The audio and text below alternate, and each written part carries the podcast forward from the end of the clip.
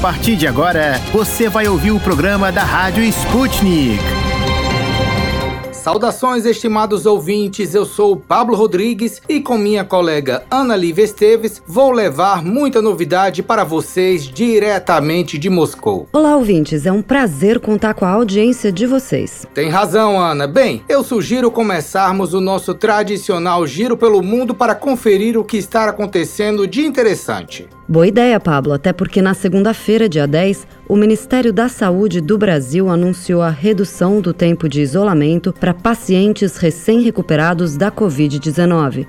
O período cairá de 10 para 7 dias se o paciente estiver assintomático e ele não precisa fazer o teste. Caso a pessoa não tenha sintomas respiratórios, nem febre por 24 horas, o período pode cair ainda até 5 dias, mas apenas se o teste para Covid-19 for negativo. A contagem deve ser feita a partir do início dos sintomas, caros ouvintes. Após 10 dias, o paciente assintomático pode sair do isolamento. O Ministério da Saúde não deixou de pedir aos pacientes para seguirem as recomendações até o último dia da quarentena. Ainda no Brasil, em entrevista à Jovem Pan na segunda-feira, dia 10, Bolsonaro declarou que não admitirá seu banimento das redes sociais. O chefe do executivo caracteriza essa medida como, aspas, fora das quatro linhas da Constituição e afirmou que a gente não pode admitir um jogo baixo dessa natureza. Aí não é uma disputa dentro do critério democrático, é uma imposição. A gente não pode admitir isso aí. Bolsonaro ainda denunciou a jornalista Miriam Leitão por, segundo ele, sugerir o banimento. O artigo da jornalista, cujo título é Sem punição de Trump, Bolsonaro fará ataque à democracia brasileira na eleição presidencial presidencial relembra o ataque ao Capitólio incentivado pelo ex-presidente dos Estados Unidos, Donald Trump, em 6 de janeiro de 2021. Durante a entrevista, Bolsonaro ainda indagou, aspas, qual é a acusação contra mim? Que fake news tenho praticado nas minhas mídias? Não existe. Quando acontece equívoco, a gente se retrata. Coisa que não acontece com a Globo nem com essa comentarista econômica. Se ela fosse tão boa, seria lembrada por alguém para copiar Ministério da Economia, Secretaria. Nunca foi lembrada para isso. Pulando do Brasil para o Cazaquistão, o presidente cazaque, Kassim Jomar Takayev, diz que a tentativa de golpe de Estado no país fracassou. Takayev ainda declarou que, aspas, uma guerra terrorista foi desencadeada contra nosso país. O inimigo mostrou uma crueldade extrema e prontidão de dar quaisquer passos. Ele semeou o medo entre a população a fim de suprimir até mesmo a própria ideia de resistência. Além disso, Tokarev assinou o decreto sobre a nomeação do antigo vice-premier Alikan Smilov como chefe de governo, cuja candidatura foi aprovada no mesmo dia pela Câmara Baixa do Parlamento. De acordo com o gabinete do presidente kazakh, a situação no Cazaquistão está se estabilizando e as manifestações violentas já foram suspensas. Bem, queridos ouvintes, que tal a gente conferir o que a gente preparou para vocês no programa de hoje? Vamos lá? E no programa de hoje. No Destrinchando a Charada Brasil, vamos conversar sobre a vacinação infantil. No Esqueceram de Mim em Portugal, novo relatório revela que mulheres, apesar de mais estudadas, ainda ganham menos que homens em Portugal. No Bombando no YouTube, vamos descobrir a que ponto pode chegar a necessidade de imigrantes de buscar uma vida melhor. No Destrinchando a Charada Internacional, vamos repercutir a presença da França na atual presidência rotativa da União Europeia e as influências da função na reeleição de Macron. O Hora do Problema vai contar a relação de um estudante professor de russo com esse idioma. O Deu Russo, que é o nosso quadro de bizarrices da Rússia, vai contar o que acontece quando ursos polares se apoderam de uma antiga estação meteorológica. Destrinchando a charada. De dentro e fora do Brasil. Política, economia, sociedade e tudo que engloba o maior país da América Latina. As charadas mais complicadas do Brasil são destrinchadas aqui. Olá, queridos ouvintes. Hoje no nosso Destrinchando a Charada Brasil, a gente vai conversar sobre a vacinação infantil. Exatamente, caros ouvintes. Até o momento, em todo o país, apenas adolescentes, jovens e idosos já puderam se vacinar. A previsão é que o Brasil receba nessa primeira fase de vacinação mais de 4 milhões de doses, que vão ser destinadas às crianças na faixa etária entre 5 a 11 anos. E mesmo antes de começar, o tema já deu pano para a manga. Apesar da Agência Nacional de Vigilância Sanitária ter aprovado a vacinação deste grupo no dia 16 de dezembro do ano passado, o governo federal, antes de iniciar a imunização, abriu uma consulta pública. No dia 23 de dezembro até dia 2 de janeiro, a população opinou a respeito da vacinação em crianças. O governo justificou o ato como uma maneira de entender e sanar as dúvidas dos brasileiros sobre esse tema. Quase 100 mil pessoas participaram e responderam o questionário. A maioria se manifestou contrária à necessidade de apresentação de prescrição médica para vacinação e não concordou com a obrigatoriedade da vacina. O caso foi parar no Supremo Tribunal Federal. Ao incluir as crianças no Plano Nacional de Operacionalização da Vacinação contra a Covid-19, o Ministério da Saúde determinou que a medida não seria obrigatória. Em uma ação encaminhada ao STF, a Confederação Nacional dos trabalhadores metalúrgicos pediu a obrigatoriedade da vacinação infantil e ainda que a consulta pública fosse cancelada. O próprio presidente Jair Bolsonaro afirmou, depois da liberação da Anvisa, que não vacinaria sua filha mais nova, Laura, de 11 anos. A declaração chegou até a levantar questionamentos sobre o papel dos pais e responsáveis quando o assunto é a imunização de menores de idade. As necessidades da vacinação infantil, apesar de quase unânime entre especialistas, ainda são uma dúvida para para muitos responsáveis. Especialistas da Anvisa e de conselhos de saúde destacam que a pandemia já matou no Brasil mais de 300 crianças na faixa etária de 0 a 11 anos. Em outros países, a vacinação de crianças nessa faixa etária já começou. China, Estados Unidos, Alemanha, Portugal e Reino Unido estão entre os cerca de 40 países que já iniciaram a imunização de crianças. Para falar sobre a vacinação das crianças e responder algumas perguntas sobre esse tema, convidamos o infectologista e professor da Universidade Federal do Estado do Rio de Janeiro, José Posa. Oi, Posa, muito obrigado por conversar com a Rádio Sputnik. Para iniciar a conversa, qual é o motivo desta demora na vacinação das crianças e qual é a importância da vacinação deste grupo? Na verdade, o que muita gente se confundiu nesse início é porque realmente o grupo de criança não foi um grupo inicialmente com crédito de muitas mortes, então se achou erroneamente que as crianças não teriam caso, ou se tivessem, seria caso sem complicações. E quando a gente começa a ver as estatísticas, a gente vê que a principal causa de morte em criança no último ano foi por Covid, e uma coisa que as pessoas não estão atentando muito é que muitas das vezes a pessoa não morre de Covid, mas fica com sequelas às vezes permanentes. Você imagina uma criança, por exemplo, que se cura do Covid da parte da infecção, mas fica ou com quadro neurológico, ou com quadro vascular, ou até com uma doença pulmonar de longo prazo, essa criança vai ser uma criança que vai ter que ser assistida pelo Estado, pela própria família, por um período grande de tempo. E, na verdade, acabou que, por conta dessa vacinação ter sido postergada nas crianças, a gente teve um grupo que ficou suscetível a perpetuar essa infecção. Então, você vacinou os adultos, idosos inicialmente profissionais de saúde, depois adultos, depois os jovens, sendo que as crianças ficaram ainda como grupo suscetível a se infectar e transmitir sem essa cobertura adequada de vacina. E já que a imunização dessa faixa etária é tão necessária, por qual motivo as crianças inicialmente ficaram de fora da vacinação? Aproveitando a pergunta da Ana, este atraso se deu devido à demora nas pesquisas para esse público? Por essa sensação inicial de que as crianças não seriam um grupo que iria complicar pela Covid, foi o grupo que realmente demorou mais assim fazer estudo até para determinar qual melhor dose adequada, qual o melhor intervalo entre doses. Então, assim, quando a gente vê essa disponibilização de vacina, ela ter sido tardia, com certeza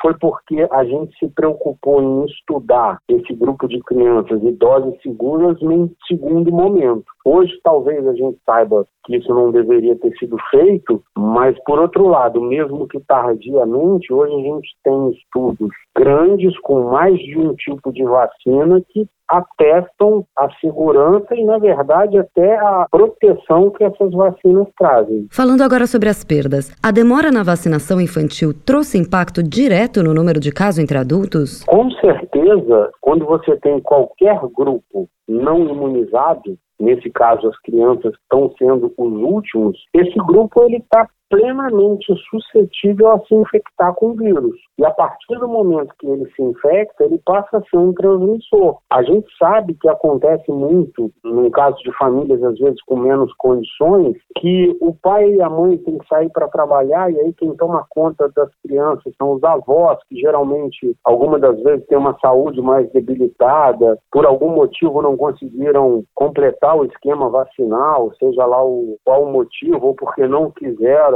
ou porque não puderam por algum motivo. E, na verdade, essa transmissão intradomiciliar acontece sim, e com certeza o aumento de casos em crianças pode e vai, caso essas crianças não sejam imunizadas, impactar no nível de adulto, porque quando a gente vê essa transmissão, e a gente sabe até que essa variante, no caso a Omicron, provavelmente ela tem uma transmissão respiratória é, muito mais facilitada, então essa transmissão intradomiciliar acontece sim, e as crianças positivas se tornam transmissoras, na verdade a gente sabe de outras viroses respiratórias, as crianças têm um potencial de transmissão muito grande, provavelmente com o Covid não vai ser diferente. Então, com certeza essa relação deve ser feita assim. Não é comum estudos e temas relacionados à saúde fazerem parte de consultas públicas. Como você enxerga essa questão do público geral opinando sobre temas científicos? Era necessário que o tema fosse debatido e consultado entre pessoas sem conhecimento técnico sobre o assunto? Eu acho que essa consulta pública, no caso específico da vacina, foi completamente infeliz. Até porque eu acho que você deve fazer uma consulta pública quando você tem dúvida do risco-benefício daquela terapia, daquele teste, daquela abordagem em saúde. A partir do momento em que você tem uma recomendação que não é brasileira, é mundial, apoiada por várias sociedades sérias internacionais e depois a gente viu que nacionais também, você tem estudo científico que foi publicado para qualquer cientista que duvidasse ou não da eficácia se posicionar, isso não foi feito em lugar nenhum do mundo. Então, para mim, foi uma consulta pública para ganhar, para se ganhar um tempo e para se justificar mais uma vez o atraso na aquisição de vacina. Então, é um assunto que é pacificado no mundo inteiro com justificativa de benefício, com refutação de qualquer risco, que a gente ouve muito de leigo, várias teorias conspiratórias que não se sustentam, tanto que quando houve a consulta pública, muitas pessoas votaram, e depois, quando houve uma audiência pública, os profissionais que foram embasados com a ciência mostraram seus dados, e quem não era, quem não foi embasado pela ciência, ficou com opiniões, com achismos, que isso não é ciência. Com a previsão de chegada das vacinas ainda nessa semana, você acha que o governo libera o quanto antes essas doses ou ainda vai ver algum outro atraso, consulta ou pendência antes da liberação? Eu acho que agora o governo ficou em uma posição em que ele não tem mais artifício nenhum para tentar postergar isso. O que ele pode continuar, isso é também uma atitude infeliz, é continuar espalhando notícias falsas e estimulando a população a não levarem suas crianças para se vacinar. Isso ele, infelizmente, pode fazer, mas eu acho que em matéria de logística, de distribuição, não existe nada plausível que justifique um atraso na distribuição a partir do momento da chegada desse imunizante. Inclusive, já seria para o governo federal, já está com a logística toda montada para as vacinas chegarem no solo brasileiro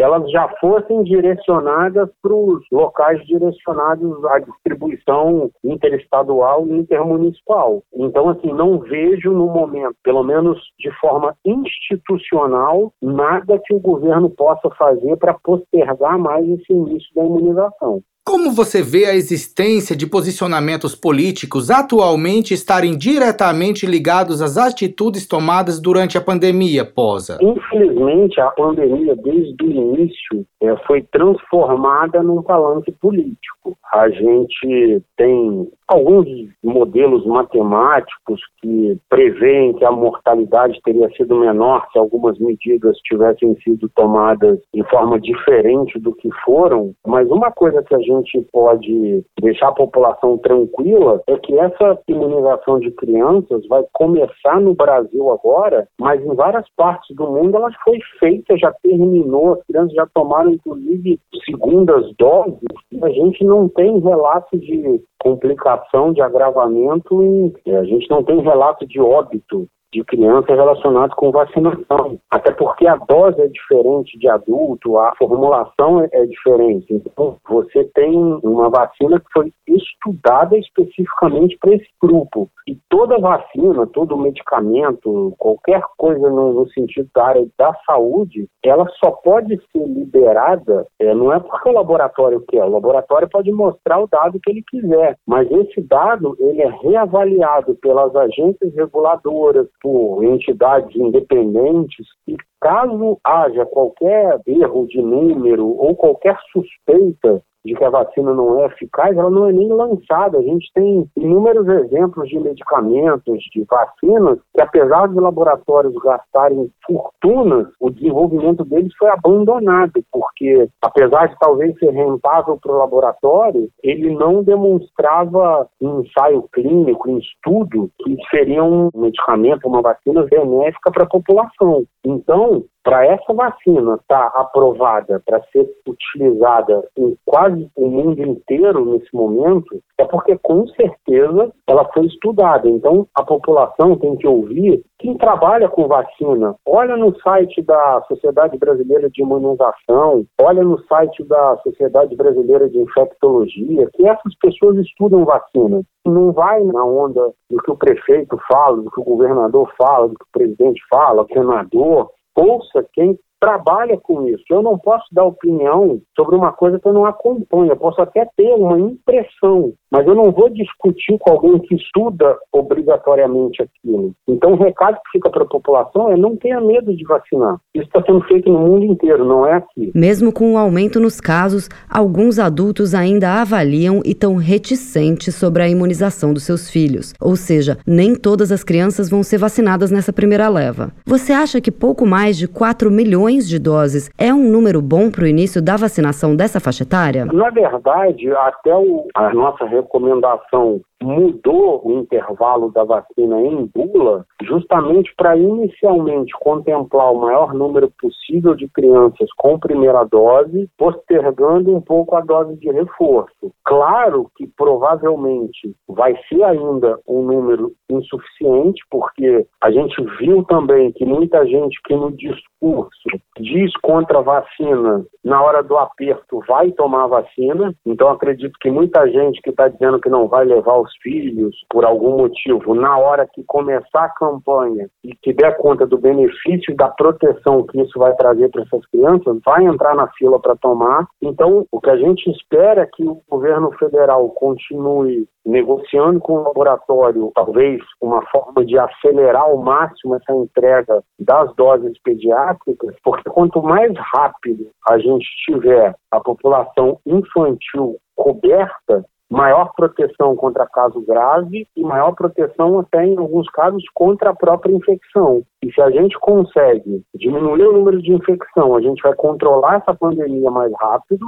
E mesmo que a gente não consiga evitar a infecção, se a gente imunizar as crianças, evitando caso grave e complicação, o saldo vai ser positivo com certeza. Bom, a gente vai acompanhar mais essa etapa de vacinação, dessa vez das crianças, e ficamos na torcida para que as polêmicas não atrapalhem o processo de imunização. Isso mesmo, Ana, que em 2022 crianças, jovens e idosos sejam completamente imunizados o quanto antes, para que possamos diminuir o número de casos de Covid-19. Esse foi o infectologista e professor da Unirio, José Posa, caros ouvintes. Por hoje, o nosso quadro Destrinchando a Charada Brasil fica por aqui. Até mais.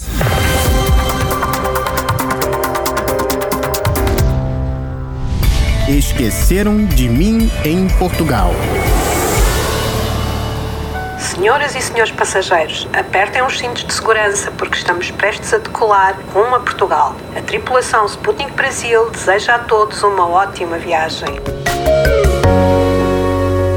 Chegou a hora de darmos aquele pouso para as informações de Portugal e Europa com a Luísa Ramos. A nossa correspondente traz o destaque dessa terça-feira, dia 11 de dezembro. Conta pra gente, Luísa. Olá, Pablo. Olá, Ana. Olá, ouvintes da Rádio Sputnik. Hoje vamos falar do panorama da igualdade de gênero em Portugal, a partir de um boletim estatístico chamado Igualdade de Gênero em Portugal 2021. A conclusão geral do relatório da Comissão de Cidadania e Igualdade de Gênero foi de que as mulheres, mesmo mais escolarizadas que os homens, continuam a ganhar salários bem menores. Além disso, o estudo também demonstrou que as pessoas do sexo feminino continuam desempenhando menos cargos de poder no país. Lembrando que em terras lusas há mais mulheres do que homens. A população total conta com 52,8% de pessoas do sexo feminino. A última edição do relatório da Comissão de Cidadania e Igualdade de Gênero foi publicada em 2017, em questão de reconhecimento e salários justos no mercado de trabalho, o tempo passou, mas mostrou que as coisas seguem estagnadas. Na educação, mulheres são maioria, elas que concluem mais os estudos de todas as modalidades de ensino superior. Divididas por áreas de estudo, é possível ver que em Portugal as mulheres matriculadas em cursos na área da saúde e proteção social representam 76,9% de todos os alunos alunos. Na área de educação, 77% são mulheres e nas ciências sociais, 66% do universo total. As únicas áreas em que as meninas são subrepresentadas são nos cursos de tecnologia de informação e comunicação e nas engenharias. Em pleno século XXI, ainda é comum vermos lares nos quais as tarefas domésticas continuam majoritariamente sendo consideradas funções do lado feminino.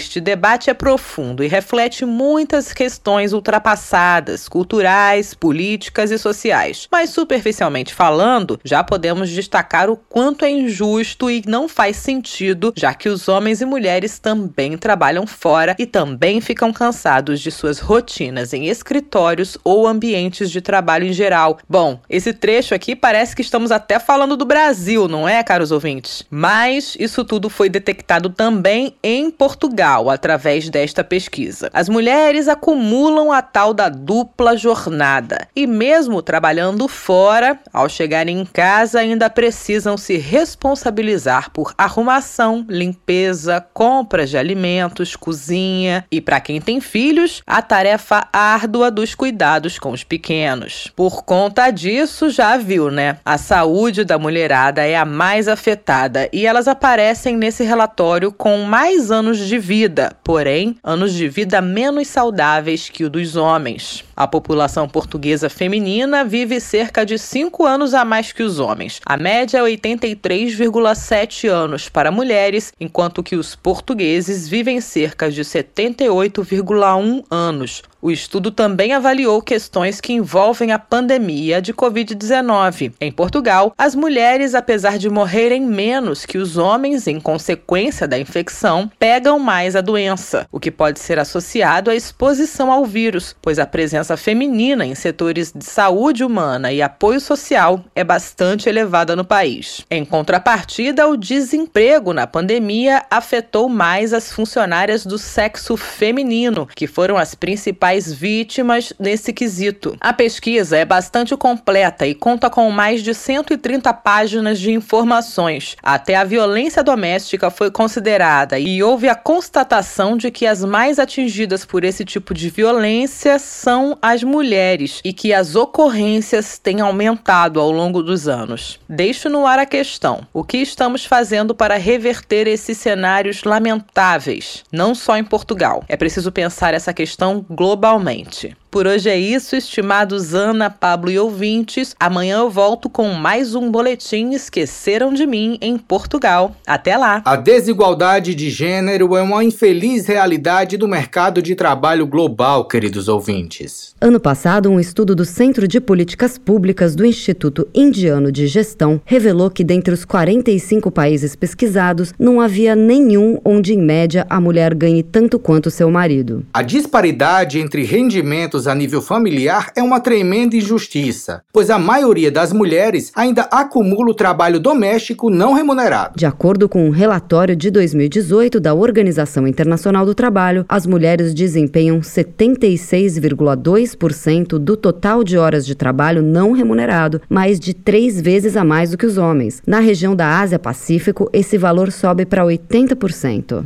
É uma luta que infelizmente ainda precisa de muitas batalhas para ser vencida. E eu me solidarizo com esta causa que não é apenas feminina. Nós homens também devemos atuar para que isso não ocorra mais. Obrigada, Luísa Ramos, por trazer hoje esse assunto super relevante que precisa estar sempre em pauta. Amanhã você volta com mais um Esqueceram de Mim em Portugal pra gente, Lu. Até amanhã.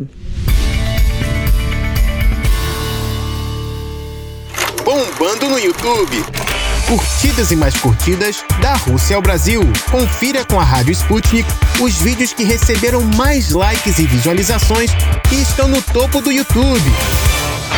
E fique por dentro do que está sendo filmado por amadores ou profissionais pelo mundo afora.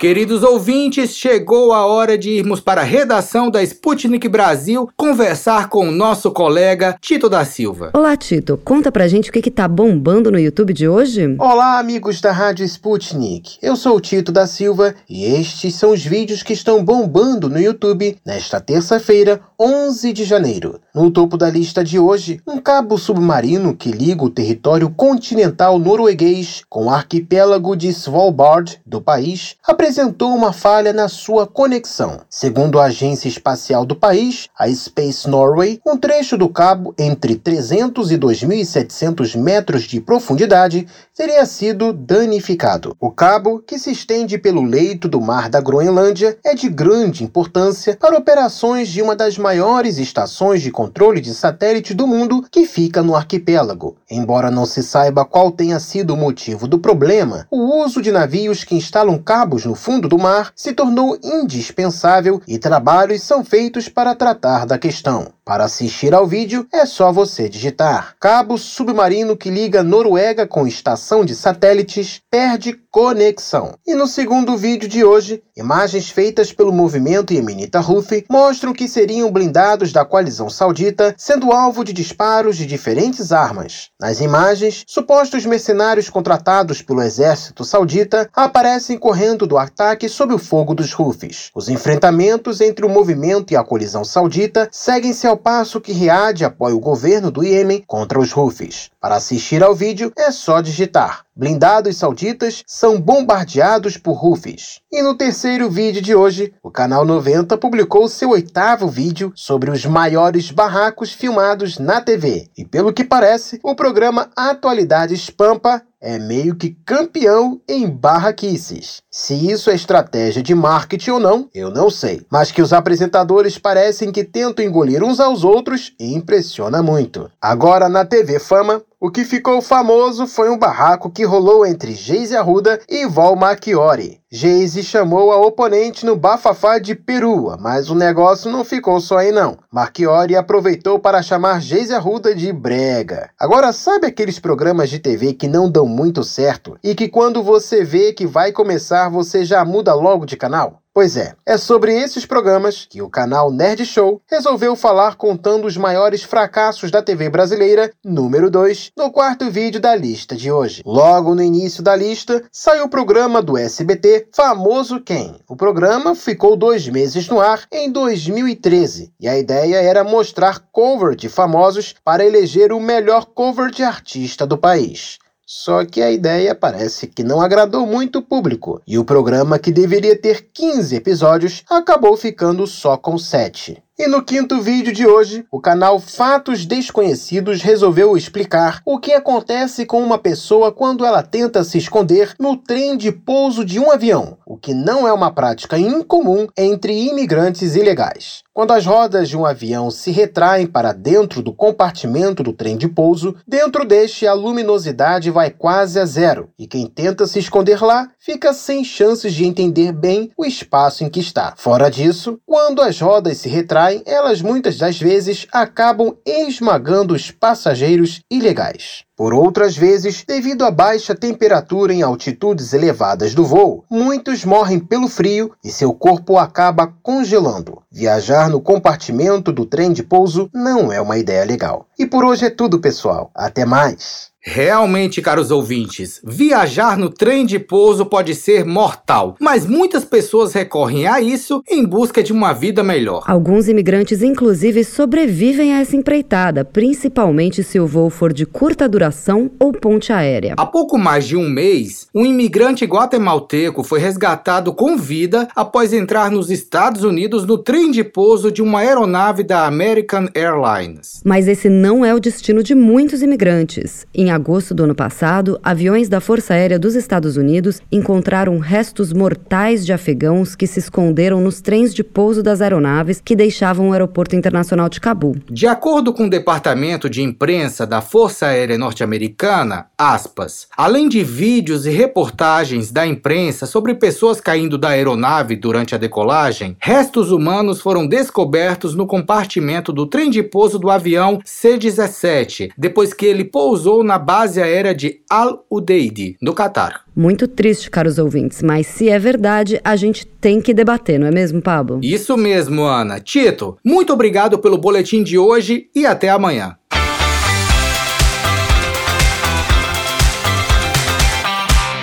Destrinchando a charada. Encruzilhada Internacional. Relações políticas socioeconômicas e muito mais entre as nações deste mundão. Da Rússia aos Estados Unidos. Encontre com a gente as respostas às perguntas do momento.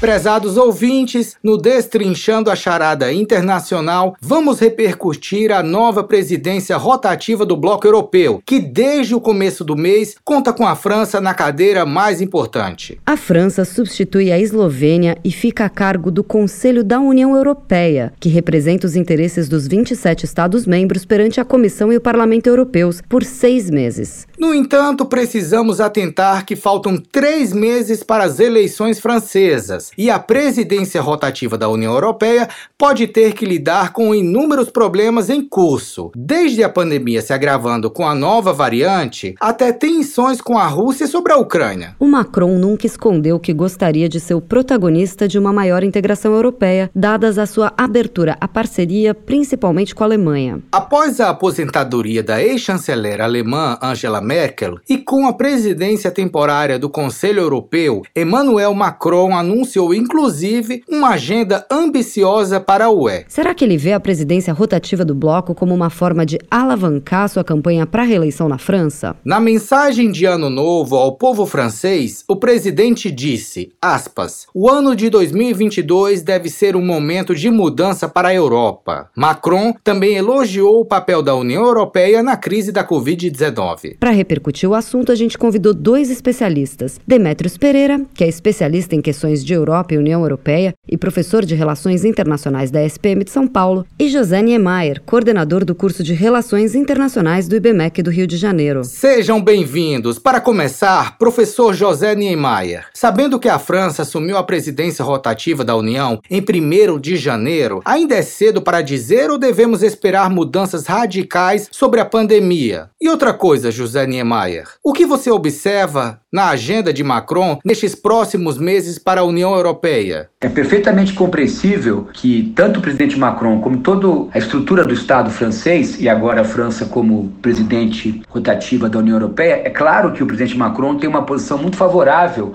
à ciência, ao processo de vacinação. Porque Macron, ele, antes de mais nada, precisa ter uma postura institucional. Ele vai ser agora presidente, vai representar a França na presidência da União Europeia. E a União Europeia aceitou a vacinação, aceitou a agenda da ciência, aceitou o multilateralismo pró-combate ao coronavírus. Então, ele vai ter uma postura muito clara com relação ao combate do coronavírus a partir de uma agenda pró-ciência e pró-vacinação. Não tenho dúvida. Até porque ele vai estar representando a União Europeia, que é parte da população do mundo e é parte do PIB internacional. Nesse contexto, a gente se pergunta qual deve ser o maior desafio do Macron na função com relações às tensões internacionais, principalmente entre Estados Unidos, Rússia e Ucrânia. O desafio do presidente Macron na presidência rotativa da União Europeia é exatamente esse: fazer com que a União Europeia participe das negociações entre Biden e Putin com relação a uma possível ação militar da Rússia na Ucrânia, porque desde o final da Segunda Guerra Mundial, durante toda a Guerra Fria, quer dizer, desde 47 até 1991, praticamente a Guerra Fria foi um conflito onde os atores determinantes do conflito eram Estados Unidos e União Soviética. A Europa teve muito pouca relevância. Agora, neste século 21, onde talvez a gente tenha é, uma outra tríade de poder formada por Estados Unidos, China e Rússia, a União Europeia pode definitivamente afirmar o seu papel como não só um continente estratégico, mas como uma potência, porque a União Europeia, nós não podemos esquecer, é uma potência do ponto de vista econômico, comercial, do ponto de vista institucional.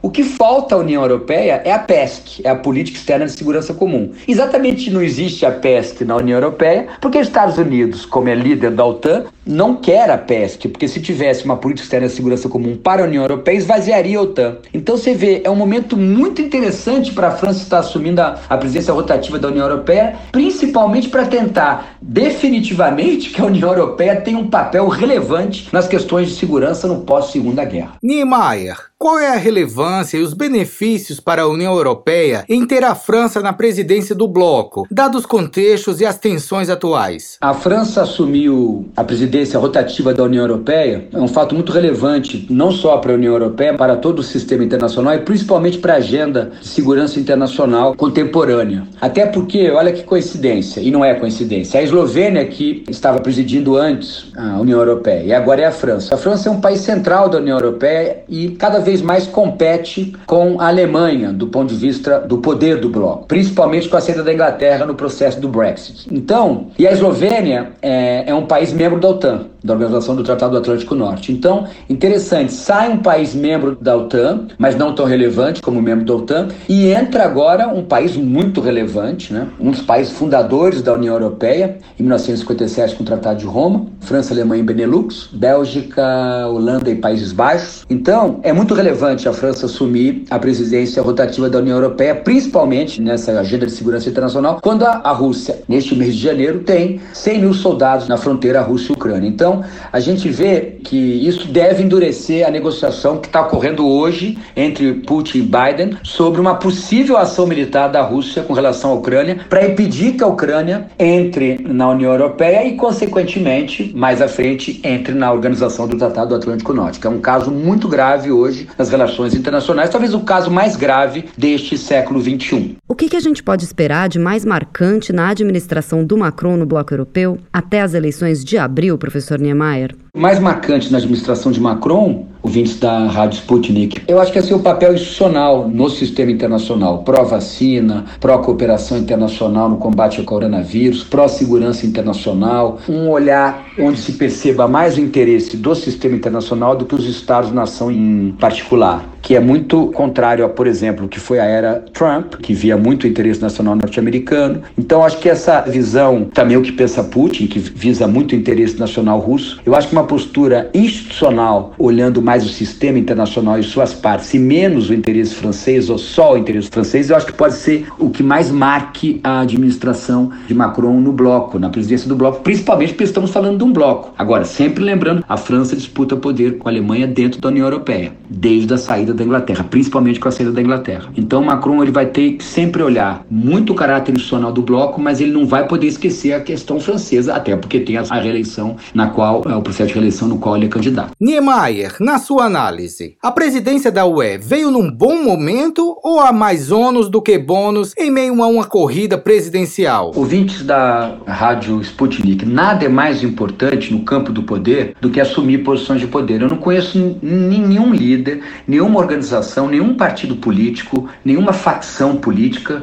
que, tendo a oportunidade de exercer poder, por mais difícil que seja, por mais que a conjuntura daquele momento seja negativa para se assumir uma posição de poder, mas o poder detesta o vácuo, ele precisa ser preenchido. Como diria Sun Tzu, não pode haver poder sem preenchimento. O poder onde, quando não está preenchido, você tem vácuo de poder e você tem um problema. Então, eu acho que a presidência da União Europeia, acho, não tenho quase uma certeza, veio num momento positivo para Macron, para ele poder desenvolver uma melhor corrida presidencial para a reeleição. Agora direcionaremos as perguntas ao Demetrios Pereira, especialista em questões de Europa e UE e professor de Relações Internacionais da ESPM São Paulo. Professor, sobre como lidar com a pandemia, o que você analisa das posturas consideradas por alguns como polêmicas de Macron na França com relação relação à Covid-19, a questão da pandemia pode ser o fato mais importante na gestão francesa dentro da presidência da UE? É, geralmente, a presidência da União Europeia, sua presidência rotativa, ela é uma vitrine para aquele país que exerce a presidência. Então, uma presidência bem-sucedida é um, uma vitória da própria União Europeia, mas também do país que exerce a presidência do governo está exercendo aquela presidência. Então, realmente pode trazer aí alguns benefícios para o Macron. Talvez a questão da pandemia seja mais importante para uma presidência rotativa. É, em relação a como lidar com a pandemia, tem havido uma certa discordância né, entre os países do bloco. A França um pouco mais restritiva, né? E alguns países realmente enfatizando a liberdade do cidadão, é, vacinação não obrigatória, talvez isso pode gerar uma certa discordância, mas parece que a maioria dos países da União Europeia tende a concordar mais com a França. Né? Então ela pode liderar esse bloco de países mais a favor da vacina e de medidas mais restritivas para combater essa nova variante. Demetrios, essa é a 13 terceira presidência temporária da França desde 1958 e coincide com a corrida para as eleições presidenciais de abril e para as eleições legislativas de junho. Pensando nisso, você acredita que a presidência rotativa ainda possui a mesma influência de antigamente? E considerando isto, pode ser mesmo relevante para Macron estar neste papel em meio à corrida eleitoral francesa? Bom, a presidência rotativa, ela vem perdendo um pouco o poder desde a entrada em vigor do Tratado de Lisboa em 2009, em que retiraram poderes da presidência, que não roda mais o Conselho Europeu, e na área de relações externas também não, não tem mais rotatividade. E além disso, é, ao longo do tempo foi se instaurando um trio de presidências para dar uma certa continuidade às políticas europeias. É, apesar disso, claro, tem uma certa influência e a França geralmente exerce essa influência de uma forma bastante efetiva, realmente impulsionando as políticas mais ou menos de acordo com as suas vontades, né? Então, um dos países assim mais influentes ali, né, junto com a Alemanha nessa questão das presidências. Em geral, Há uma comparação com as presidências anteriores, né? A presidência anterior foi da Eslovênia, que é um país pequeno, novo na União Europeia. A França é um país fundador, então está acostumadíssimo a exercer a presidência rotativa e no cenário de reeleição pode trazer alguns benefícios eleitorais para o Macron. Além da pandemia em vigor e as questões de relações externas que já falamos aqui, o que mais a presidência francesa no bloco europeu pode ficar de olho para fazer uma boa gestão? É, talvez o que a França deva enfatizar mais seria o, né, eu vejo assim, um combate à pandemia, que vem sendo prioridade em vários governos. Aliado a isso, a recuperação econômica pós-fechamento generalizado do comércio e das sociedades em geral. Então, foco na economia também, na recuperação né, do bloco. Talvez a questão de imigração, né, que é uma questão que atinge vários países, entre eles a França. em relação às relações externas. É claro que a presidência ainda exerce uma certa influência, né? Questão da Rússia, ou seja, levantou questões como Ucrânia, é, e assim, pensando na, aqui na gente, no Brasil, talvez as negociações do acordo Mercosul-União Europeia possam ser afetadas negativamente, uma vez que a França não é muito favorável ao fechamento né, das negociações, a, a própria ratificação do acordo, que ainda não aconteceu, é justamente porque a França é um país bastante agrícola tem temores de que as exportações do Mercosul para lá quebrem a indústria agrícola francesa. Né? Além de questões ambientais que envolvem o acordo, e a França vem acusando o Brasil de não proteger devidamente o meio ambiente de acordo com as regras do Acordo de Paris, que foi assinado em Paris, capitaneado pela França. Então, tem essas dificuldades aí na relação com o Brasil, com o Mercosul, que devemos ficar também de olho. Pois é, as acusações da França causaram rebuliço no Brasil no ano passado. Vamos acompanhar o que a gente pode esperar desse assunto em 2022. Para fechar o nosso quadro de hoje, Demétrios, o que poderia ser um tiro no pé de Macron? Algo que a presidência do bloco poderia talvez prejudicar na sua intenção de se reeleger como presidente? Tirou no pé do Macron poderia ser o caso de haver maior um crescimento, talvez, de rejeição da União Europeia em relação à população francesa. Então, se os franceses começarem a ver a União Europeia como algo mais negativo que positivo, né, se isso se aumentar a rejeição União Europeia entre os franceses, isso pode ser, sim, um tiro no pé em relação ao exercício da própria presidência rotativa. Então, esse deve ser o maior medo do Macron. Então, ele tem que se esforçar para que a União Europeia seja vista durante esses seis meses como algo que vem trazendo mais coisas positivas que negativas, que é algo que os partidos mais a, direita, radicais, tendem a enfatizar o, o euroceticismo, né, que é essa rejeição à União Europeia. Agradecemos muito a participação dos dois profissionais hoje no nosso debate sobre a França à frente da presidência rotativa do Bloco Europeu. Falamos com Demetrios Pereira, especialista em questões de Europa e União Europeia e professor de Relações Internacionais da SPM de São Paulo, e com José Niemeyer, coordenador do curso de Relações Internacionais do IBMEC do Rio. Muito obrigada. Nosso Destrinchando a Charada Internacional fica por aqui, ouvintes. Até a próxima.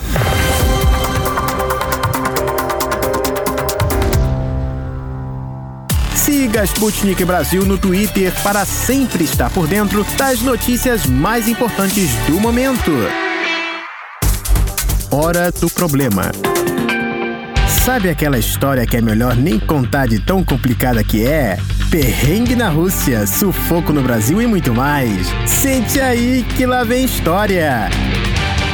Ana, o que te impulsionou a estudar russo? Bom, quando eu era mais nova, eu treinava ginástica e a minha treinadora era russa e falava às vezes em russo com a gente. E eu ficava numa curiosidade para saber o que realmente ela estava falando, daí eu decidi aprender. Sem contar que para mim o alfabeto cirílico tá mais para um código, então eu queria aprender essa criptografia só para mim, sabe? E você, Pablo? Bem, Ana, eu acho que eu caí nesse idioma, porque o meu contato com o russo foi zero no Brasil. Mas como eu consegui a bolsa de estudos para estudar em Moscou, daí eu me vi obrigado a manjar esse código aí que você falou. Mas é quase uma criptografia, não é mesmo? Até porque quem não conhece o alfabeto cirílico acaba lendo tudo errado. Falando em errado, você se lembra do Orkut, né? Então, em 2008, quando eu comecei a pensar em me mudar para a Rússia, as letrinhas do alfabeto cirílico eram muito usadas pelos usuários do Orkut no Brasil. Então, para mim foi quase como decifrar um código que estava sendo usado errado pelos internautas brasileiros. Eu lembro que o pessoal usava no Orkut algumas letras do alfabeto cirílico, como Ya, que parece um reflexo do R, e usavam outras letras também, não é verdade? Sim, usavam a letra I do alfabeto cirílico, que parece a nossa letra N do alfabeto latim, só que o reflexo dela. Bem, cada brasileiro que decide aprender russo tem um porquê. Então eu convido vocês, caros ouvintes, a saber os motivos que levaram o professor de russo, Lucas Rubio, a destrinchar esse idioma. Olá, Lucas! Olá a todos da Rádio Sputnik, muito obrigado pelo convite para participar dessa entrevista, obrigado por se interessarem também na minha história. O meu nome é Lucas Rubio, eu estou quase concluindo a graduação de Letras com habilitação em língua russa pela UFRJ, a Universidade Federal do Rio de Janeiro. Afinal de contas, é aqui que eu vivo, no Rio de Janeiro. Lucas, quando você começou a estudar russo na Universidade Federal do Rio de Janeiro? Eu ingressei na graduação de Letras, né, com habilitação em língua russa na UFRJ, em 2016. Eu tinha já uma paixão por esse idioma um pouco anterior, mas é, foi em 2016 que eu comecei a estudar. Eu deveria ter terminado a minha graduação em 2020, né? Mas por conta da pandemia isso ficou um pouco arrastado e eu só vou conseguir concluir daqui a algumas semaninhas ainda assim em 2022, assim espero. E nós também esperamos que você consiga concluir o seu curso de letras com habilitação em russo na UFRJ, Lucas. Me diz uma coisa, de onde surgiu o seu interesse em aprender russo? O meu interesse pelo idioma russo, na verdade, nasceu junto com o interesse pelo país,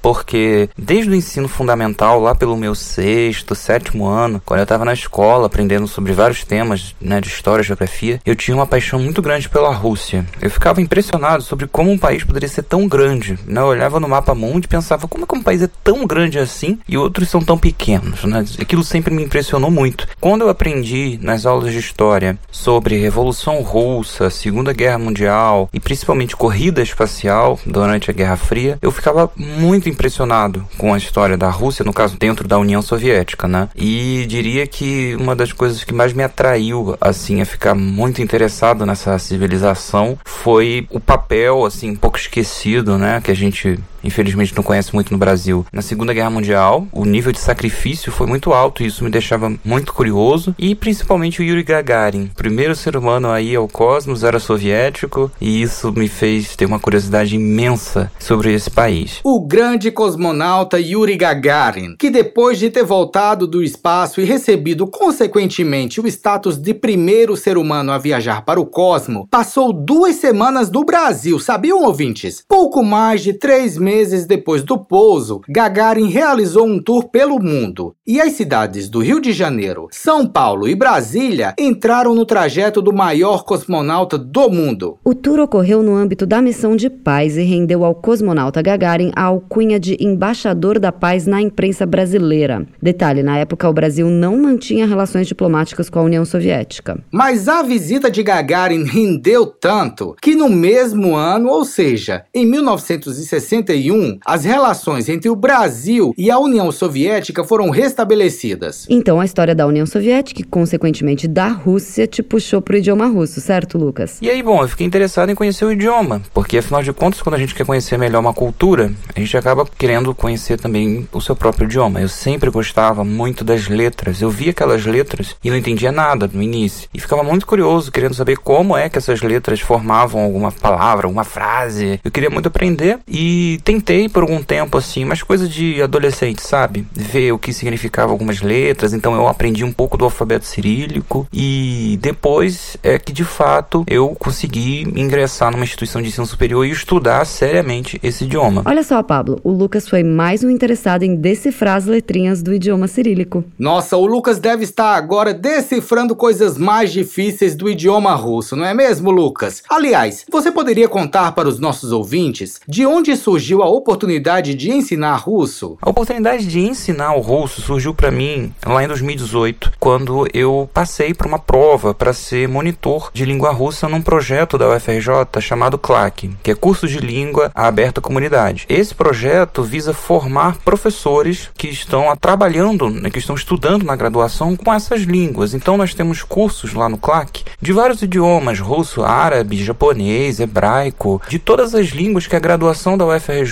proporciona para os alunos. E aí uma forma de, digamos assim, preparar né, as pessoas para o futuro das suas profissões é que elas sejam professores de idioma. Então o CLAC cumpre esse papel e fornece também um ensino muito facilitado, né, com um preço muito mais acessível para a comunidade em geral do Rio de Janeiro. Então lá fiz a prova e consegui passar e fiquei no projeto né, de 2018 até o ano passado, em 2021. Né, quando terminei a minha atuação um pouco longa até nesse projeto. Lucas, esperamos ouvir mais e mais histórias suas que envolvem a Rússia, a União Soviética, o idioma russo, claro, e muito mais. Queridos ouvintes, batemos um papo com o professor de russo, Lucas Rubio. Bateu vontade de aprender russo? É só entrar no Instagram do Lucas, camarada underline Rubio. As aulas do Lucas são uma viagem pela Rússia, caros ouvintes. Confiram lá no Instagram dele. Eu vou repetir, camarada underline Rubio. Lucas, desejamos um ótimo 2022 para você e até a próxima. Está à procura de notícias com outros pontos de vista e posicionamentos? Curta nossa página no Facebook. É só digitar Sputnik Brasil na busca do Facebook e deixar sua curtida.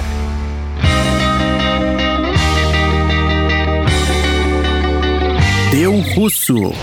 De notícias bizarras do Brasil já estamos mais que saciados. E as bizarrices que acontecem na Rússia, hein? É outro nível, rapaziada. Ih! Deu russo!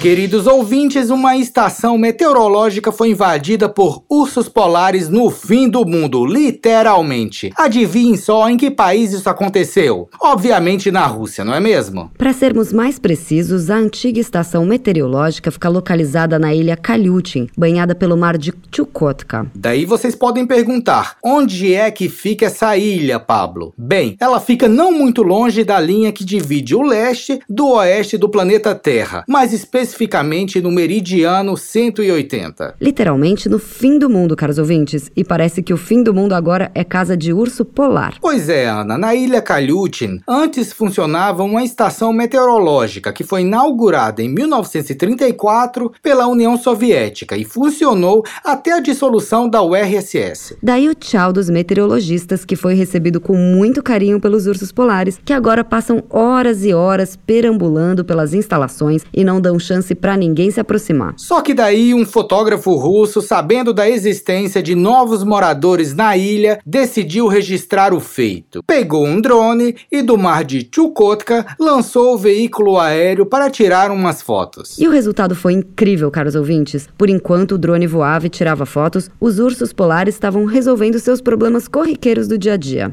Tinha urso observando da janela, tinha urso limpando o quintal de uma casa, tinha urso descansando na grama, tinha urso se espreguiçando, coisas de urso, ouvintes. As fotos chamaram atenção não só na Rússia, onde foram publicadas em vários veículos de imprensa, mas no resto do mundo, porque foto de urso polar em meio urbano é coisa rara de se ver. E uma das fotos, intitulada Temporada de Dacia, ganhou o título de melhor imagem da vida selvagem em ambiente antropogênico, em um concurso organizado pela revista National Geographic. Na foto dá para ver um urso polar observando da janela o que está acontecendo do lado de fora do que seria a sua própria casa de campo. É incrível. Quem quiser conferir as fotos é só escrever National Geographic Ursos Polares na busca na internet. Desejamos que esses ursinhos russos tragam umas boas gargalhadas para vocês, ouvintes.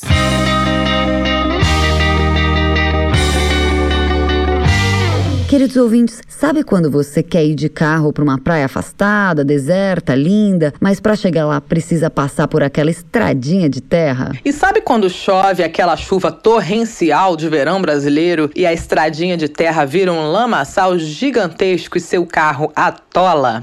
Então, aqui na Rússia, de vez em quando isso também acontece, mas ao invés de lamaçal, o problema daqui é a neve. E essa semana, várias cidades da Rússia tiveram uma das maiores tempestades de neve dos últimos 40 anos, inclusive a bela capital no norte do país, São Petersburgo. Quando neva desse jeito, os carros ficam totalmente atolados e é muito difícil para o motorista tirar o automóvel da vaga. E pelo visto, fica muito mais difícil roubar os carros das pessoas também. Mas um ladrão russo que se acha muito esperto decidiu achar uma solução para esse pequeno problema. Exatamente, caros ouvintes. Ele decidiu contratar uma empresa de guincho para desatolar o carro alheio para ele. O guincho veio e o ladrão jurou de pé junto que o carro era dele, mas que os documentos estavam do lado de dentro. Por causa da neve toda, nem abrir a porta do carro ele conseguia. A ideia é louca, mas o processo é lento. E enquanto o pessoal do guincho fazia o seu trabalho sem pressa nenhuma, chega o real dono do carro. Quando o dono do carro entende o que está acontecendo, saca o celular e começa a filmar tudinho.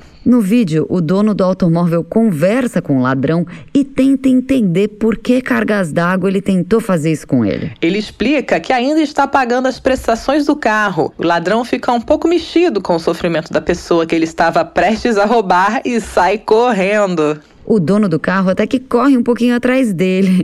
Os dois não conseguem correr muito rápido, não, porque tem muita, mas muita neve no chão. O ladrão derrapa no gelo e não consegue correr mais. Mas o dono do carro logo desiste da perseguição e lembra ao ladrão que o rosto dele está gravado por vários minutos no vídeo. Esse ladrão, além de ter contratado um guincho para roubar um carro para ele, ainda achou normal ficar lá conversando com o dono do automóvel e participando do vídeo que o cara gravava durante vários minutos. Esse ladrão é bem relax, viu? Não deve ter sido tão relax ficar dois dias preso lá em São Petersburgo. O ladrão pagou a fiança e aguarda agora seu julgamento em liberdade. Será que ele pelo menos pagou o cara do guincho? Olha, Ana, parece que sim. E já que estava pago, o guincho acabou tirando o carro do atoleiro de neve. Então, pelo menos esse trabalho, o dono do carro não vai mais ter.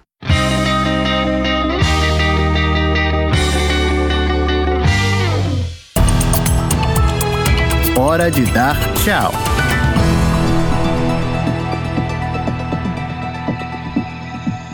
Queridos ouvintes, o nosso programa da Rádio Sputnik dessa terça-feira, 11 de dezembro, fica por aqui. A gente agradece imensamente pela audiência e espera ver vocês de novo por aqui. Mas enquanto isso, você pode ficar por dentro das notícias do Brasil e do mundo no site br.sputniknews.com. Os canais da Sputnik Brasil no YouTube e no Telegram também ficam 24 horas ligados para você não perder nada. O programa da Rádio Sputnik teve a apresentação, produção e edição de texto de Ana Liv Esteves e Pablo Rodrigues, e produção de conteúdos e edição de texto de Everton Maia, Luísa Ramos e Tito da Silva. A edição e a montagem do programa são do Wellington Vieira e do David Costa. O editor-chefe da redação da Sputnik Brasil no Rio de Janeiro é o Renan Lúcio e em Moscou, Konstantin Kuznetsov. Você acabou de ouvir mais um programa da Rádio Sputnik.